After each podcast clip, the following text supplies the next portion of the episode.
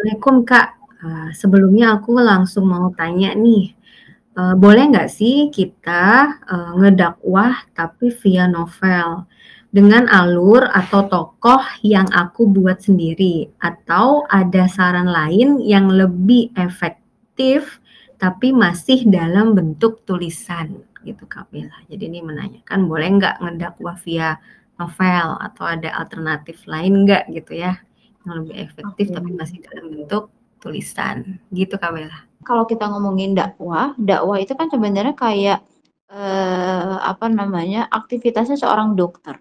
Yang dokter itu ketika melihat ada masalah, ada analisa problem nih gitu ya, eee, apa namanya, keluhan di dalam diri pasien yang sedang ditangani itu, dia akan coba rumuskan kira-kira obat apa yang paling top care, yang paling mujarab, yang paling ampuh untuk mengobati keluhan dari si pasien.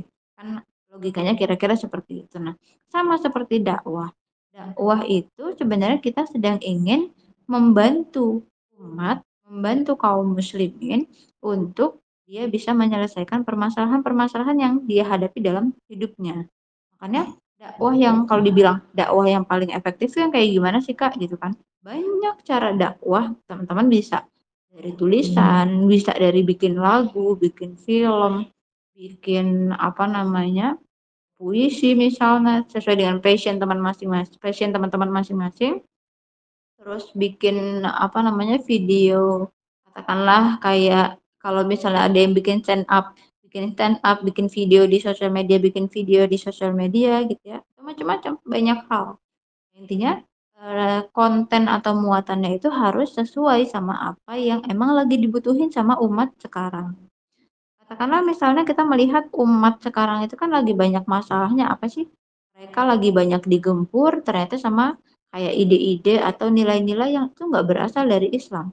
Teman-teman bayangkan yang terbaru keputusan dari, eee, apa, pemerintah itu ya soal undang-undang dari Permendikbud itu yang ternyata kontroversial. Ada pasal yang, eee, apa namanya, mengarah kepada kekerasan seksual gitu ya atau kepada, eee, seks bebas lah intinya begitu. Nanti teman-teman bisa coba cari preferensi apa, referensinya lagi. Nah kemudian eee, apalagi ya? Eee, banyak hal lah intinya gitu yang, eee, terjadi tadi. Intinya kita sedang coba ingin membantu umat itu untuk keluar dari, eee, masalah yang mereka hadapi. Makanya sebisa mungkin solusi yang kita berikan, ya, atau dakwah yang kita sampaikan tadi itu yang betul-betul menyentuh akar permasalahan, yang bisa ngebantu mereka keluar dari kotak permasalahannya mereka, gitu. Jadi kalau misalnya begini, logik apa, contoh analoginya tadi ya, kayak dokter itu melihat, oh pasiennya ini ada gejala batuk, demam, pilek, begitu ya. Kemudian apa, eee, dikasihnya obat lambung, misalnya begitu. Ya memang sih, eee, bisa jadi ada pengaruh ya, batuk-batuknya itu dari lambung. Cuma kan harus dicari kira-kira yang paling match, yang paling sesuai itu yang mana nih obatnya, sesuai dengan analisa dokter tadi itu. Makanya dokter juga jangan sampai salah menganalisa kan begitu. Nah makanya kita pun begitu ketika kita ingin menyampaikan dakwah model yang seperti apa sih di tengah-tengah umat, kita harus tahu dulu umat itu sedang membutuhkan apa. Kalau tadi dikatakan contohnya itu ada kayak pengaruh dari pemikiran-pemikiran yang itu berasal dari ide-ide yang nggak sesuai sama, eee, konsep hidup kita sebagai seorang muslim, nah itu yang kita sedang ingin coba aruskan. Oh ternyata sekarang banyak nih pemikiran-pemikiran dari kaum muslimin yang itu terpengaruh dari cara hidupnya orang-orang barat, liberal gitu ya, sekuler, eee, memisahkan agama dari kehidupan. Nah itu yang kita coba benahi. Kita coba aruskan supaya umat itu jangan sampai kebawa sama pikiran-pikiran atau pemikiran-pemikiran yang model seperti itu.